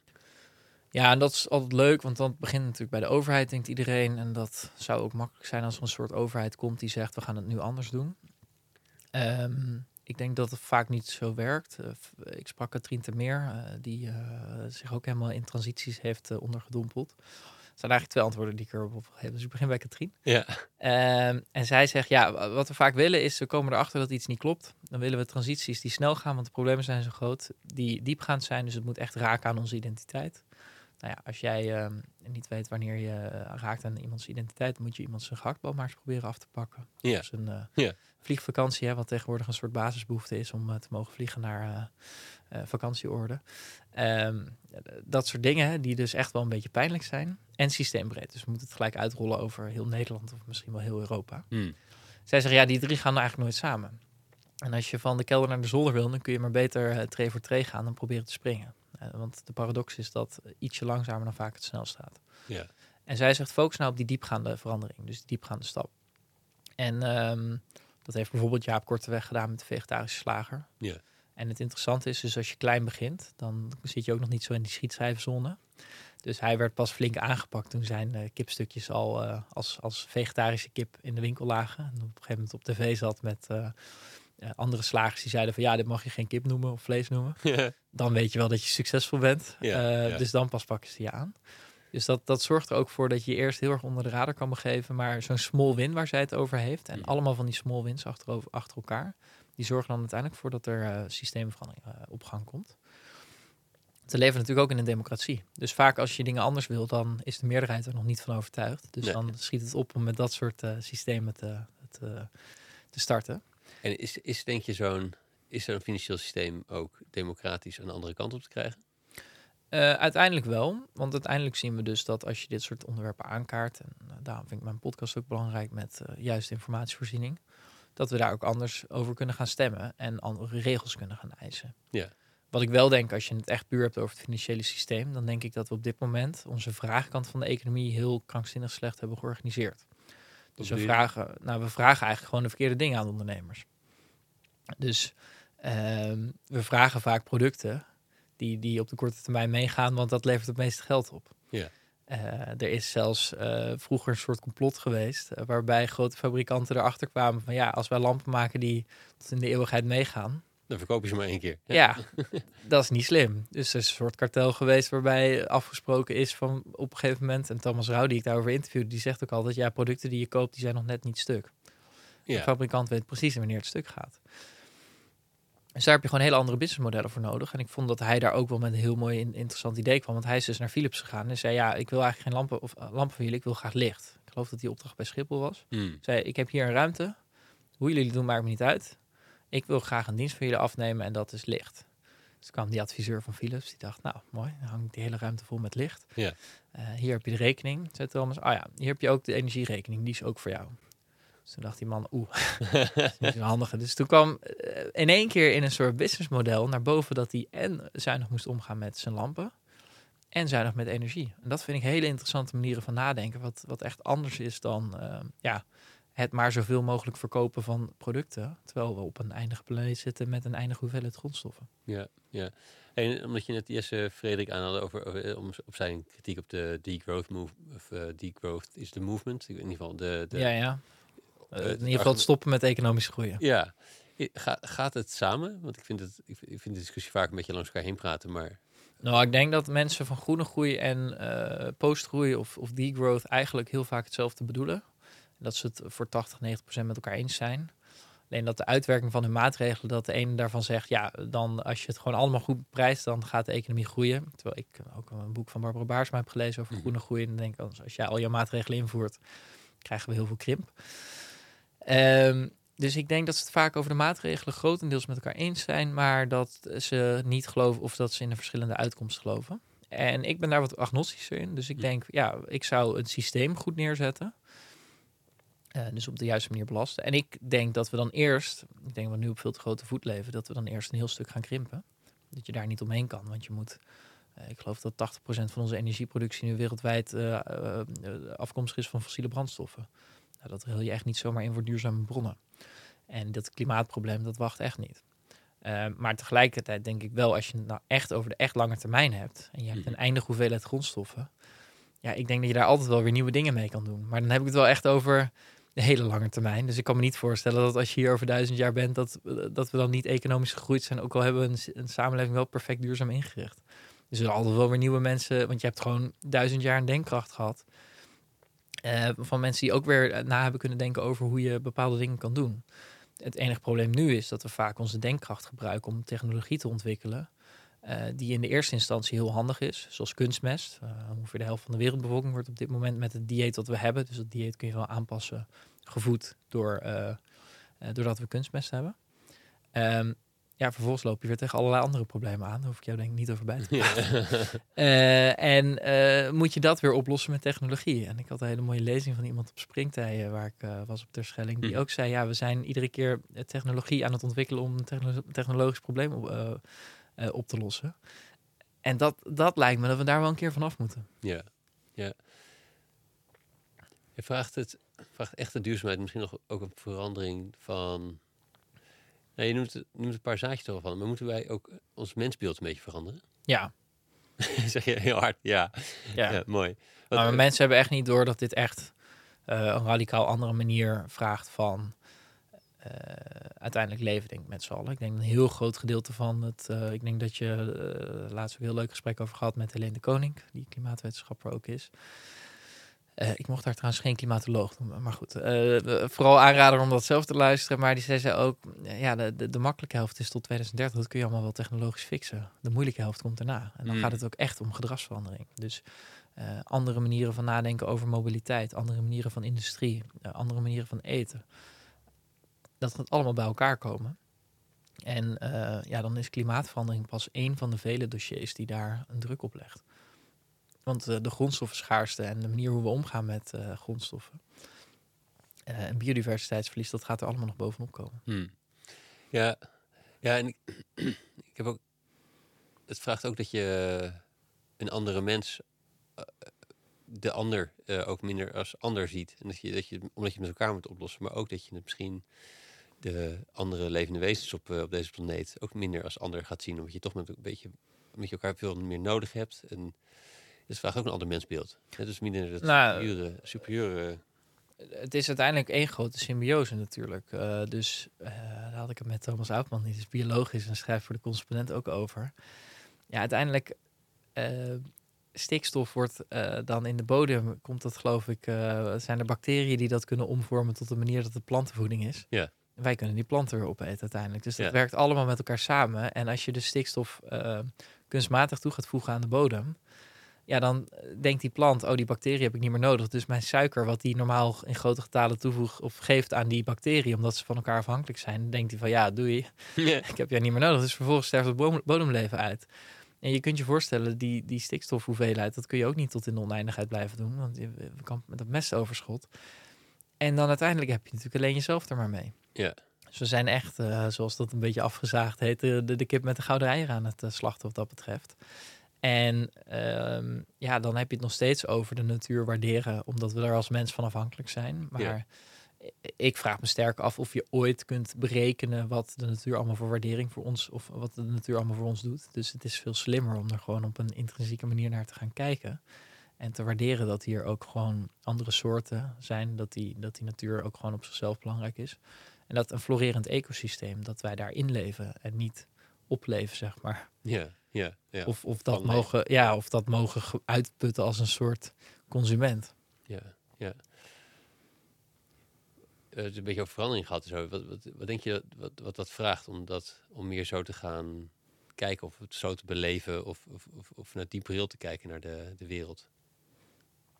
Ehm, nou, volgens mij komt het sowieso uit onderzoek wel ervoor, eh, do- doordat ehm, in de natuur zijn ehm, mensen ook, eh, eh, ja, dat dat veel minder stress oplevert en zo. Dus dat dat gewoon een hele positieve werking op je heeft. Hmm. En een van die grote belangrijke dingen die ik eigenlijk vind, en dat, dat ligt dus veel meer onder wat we aan duurzaamheid moeten doen, is eh, kappen met al die vluchtigheid. Dus veel meer naar dit soort dingen luisteren. Je haalde ook in jouw podcast die ik even zat te luisteren over jouw zes boekentips, Deep Work van Cal Newport aan. Oh ja, ja, Ik geloof heel erg in dat soort zaken. En eh, dus ook eh, zonder telefoon lekker in de natuur je kunnen begeven. En ik denk dat in de natuur zijn, eh, en de natuur is echt niet een soort gezellige situatie. Daar heb ik een heel leuk gesprek ook over gehad met Wouter van Noord van NRC, die, Ja. die ook bosbranden en zo meemaakte.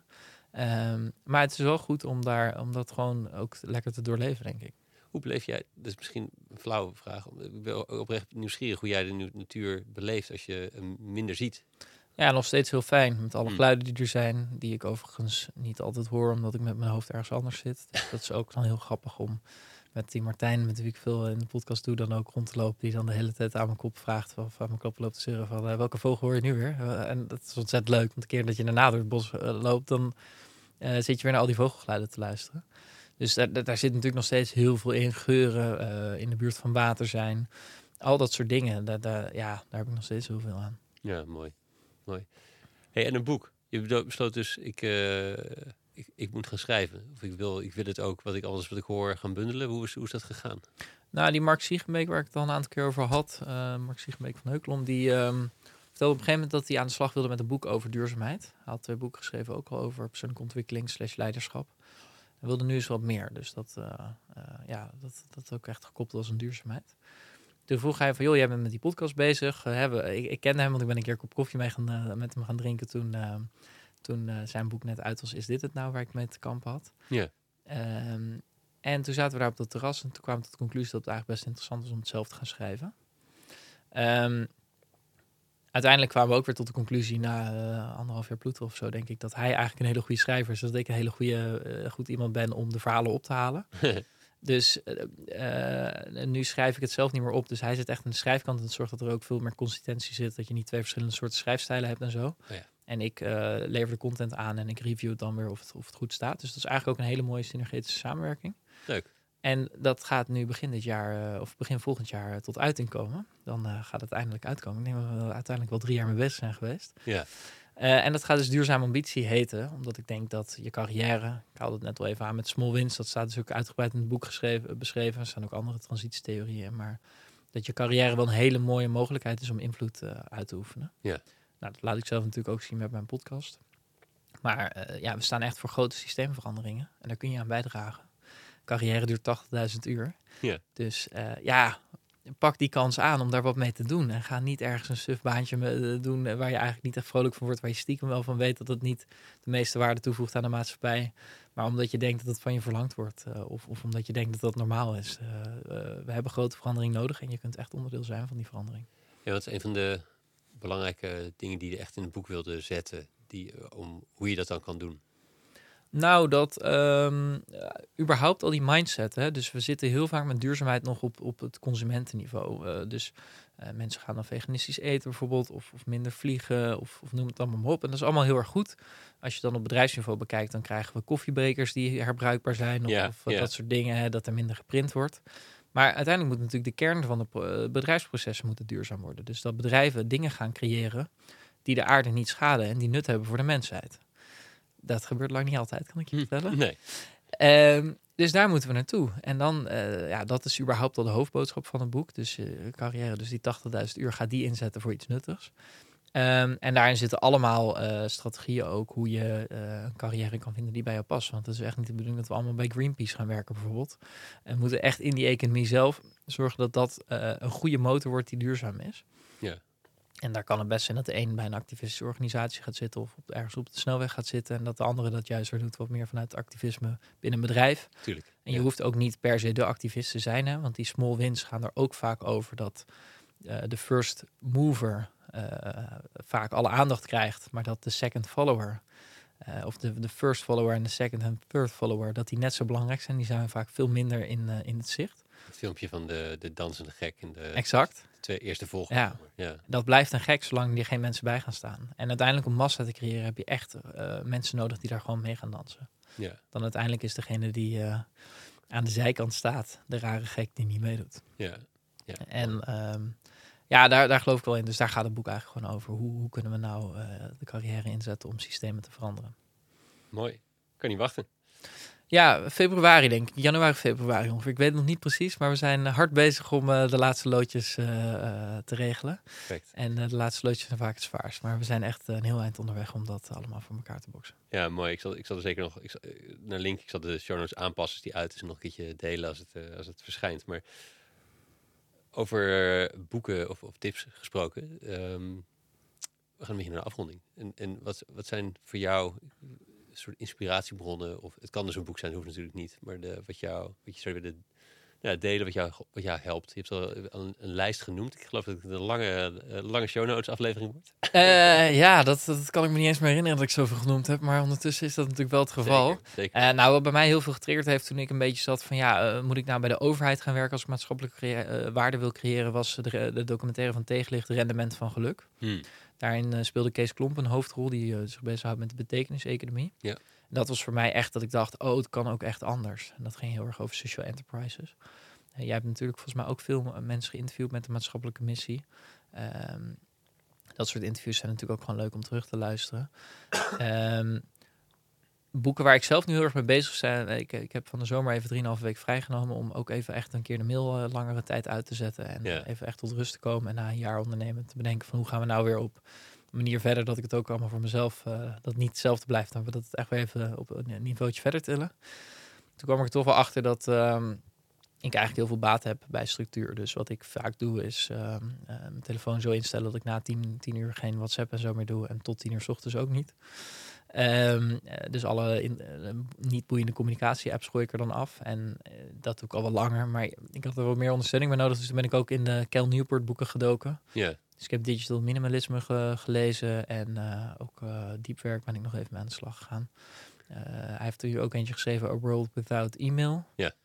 Klinkt heel raar, maar dat gaat erover hoe we eigenlijk verdrinken in onze e-mails. En dat het eigenlijk niks meer toevoegt. En wat ik daardoor ben gaan doen, en ik moet er nu weer echt stevig in gaan staan, want het is best wel lastig. Maar dat is dat ik één dag in de week probeer tot half vijf offline te zijn. Dus Hmm. geen eh, eh, in internet op mijn eh, computer en op mijn telefoon. wat is er voor de beste dag voor jou trouwens? Ja, dat is heel lastig, want uiteindelijk loopt die week toch altijd weer vol. Dus ik moet hem eigenlijk echt nog veel belangrijker maken voor mezelf. Ja, ja. Want ik merk altijd als ik dat ga doen, dan ga je, van, ga je jezelf vanzelf vervelen. En omdat je echt niks kan doen aan afleiding, ga ik dan maar mails beantwoorden die ik daarvoor altijd liet liggen omdat ik er geen zin in had. Ja, was dat nou de beste besteding van die dag zonder e-mail? Ja. Ja, nou vind ik uiteindelijk wel. Want eh, kun je ook nog je bij afvragen of ik niet ook nog zo'n dag nodig heb waarbij ik zelfs de mail helemaal uitzet. Maar ik merk dat het nu een hele goede toevoeging is om in ieder geval te zorgen dat er gewoon niks nieuws binnenkomt. Ja. En ik zou dit eigenlijk inderdaad ook nog wel een dag willen hebben dat ik gewoon echt boeken ga lezen en eh, piano spelen. Dat zou heel fijn zijn. Maar ik vind die boeken gewoon echt heel goed. Dus eigenlijk alles wat eh, met Kel Newport te maken heeft, die, eh, die filosofie vind ik gewoon heel leuk. En ja, een boek waar ik dus heel veel aan heb, is dus met eh, wie ik nu eh, of heb gehad, eh, is met wie ik nu een boek aan het schrijven ben. Ja. Mar- met Mark Siegebeek van Heukelom. En het heet dus Is dit het nou? Ja. Ja. En als je nou dit luistert, je bent nog niet aan het ondernemen of je, of je wil iets anders, maar je loopt in ieder geval vast in waar je zat en denkt van ja, is dit nou waar ik het allemaal voor heb gedaan? Dan is dat boek wel echt een hele mooie aanrader om het roer om te gooien. Ja, ik zal hem eens bekijken. In ieder geval echt een toptitel natuurlijk. Ja, Hey, mag ik je bedanken? Voor, ja ehm, zeker. Voor hierheen willen komen. Dat is de, dat één. Maar eh, eigenlijk ook voor alle, alle uren die er al eh, ingestoken zijn. Om zoveel van, van, nou ja, van wat, wat voor wijsheden er bij allerlei mensen rondlopen eh, te delen met ons allemaal. Dankjewel. Ja, heb ik nog wel één vraag terug die misschien wel leuk is om te stellen. Ja. Wat, wat is jouw favoriete aflevering van EXV? Want je hebt er best wel wat beluisterd, denk ik. Favoriete? Ja, dat is het tricky, want ik heb ze niet allemaal beluisterd. Nee, maar het, het is ook jouw favoriete aflevering, naar waar ik naar vraag. Eh, ik vond die met Wout van Noort leuk. Ik vind hem sowieso echt een, eh, een hele leuke journalist om te volgen. Ik, eh, ik vind zijn nieuwsbrief een van de, van de, best, van de betere. Ehm, ik vond, en jij hebt mij die ene natuurlijk aangeraden met... ehm, nou, de twee die je zelf aanhaalde, vond ik ook zelf het heel boeiend. Dus Met kantelpunten. kantelpunten en de, en de en met Chi. Ja. Want die, maar die, die, die noemde je al in die ene met Gijsbert. Oh ja, En dus toen ben ik die maar gewoon gaan luisteren om meer van jouw podcast te luisteren. Oh, dit is een lastige vraag. Ik, ehm, het is altijd grappig dat heel veel mensen heel veel naar mijn podcast geluisterd hebben. Want ik heb er op Springtime op het duurzaamheidscongres ook regelmatig naar gevraagd. Dat die Ja. zei, hey, leuke podcast. en welke dan? Eh, ja, dan, dan hebben ze helemaal geen antwoord paraat. Dus dat vind ik altijd wel grappig. Dat is moeilijk, maar eh, ja, ja. nee, ik maak hetzelfde mee. Dat, eh, ja, leuk. ik ga nog eens even zoeken naar, de, naar mijn echt favoriet. Ja. Ik zou ze even moeten weer terughalen, ja. Maar in ieder geval dank voor de uitnodiging. Ik vond het ontzettend leuk om hier met jou verder te kletsen. Dankjewel. Ja, dat was hem alweer. Heel erg leuk dat je helemaal tot het eind hebt geluisterd. Dankjewel. Abonneer je op de podcast om zeker te weten dat de volgende aflevering jou ook vindt. Wil je niet wachten, maar weet je niet welke aflevering je moet kiezen? Op de website vind je verzamelingen afleveringen rond verschillende thema's van het ondernemerschap. Zoals co-founderschap, visionairs die het systeem veranderen en het uitvinden van welke vorm van het bedrijf bij jou past. Deze vind je naast uitgebreide show notes met alle lessen en links van alle afleveringen op www.studiogeorge.nl slash podcast. En ik probeer in mijn interviews met mijn gasten de belangrijkste inzichten te ontdekken van hun reis als ondernemer. De kern van hun lessen kun je wekelijks tot je nemen door je in te schrijven voor mijn nieuwsbrief Shots of Strategy. Elke vrijdag deel ik daar of de drie belangrijkste inzichten van het gesprek, of een oefening, een tool of een deep dive in een leiderschapsthema van ondernemers. Schrijf je in op www.studiogeorge.nl slash shots of strategy, allemaal aan elkaar. Als laatste, wil je groeien in je ondernemerschap? Ik help je graag om heel helder te krijgen wat je visie en waarden zijn. En om daar een bedrijf bij te ontwikkelen dat slim werkt, bij jou past en het impact maakt. Een mix tussen coaching en advies. Een mix tussen business skills en persoonlijk leiderschap. Kijk op www.studiogeorge.nl slash coaching voor de opties. Heb een goede dag en tot de volgende.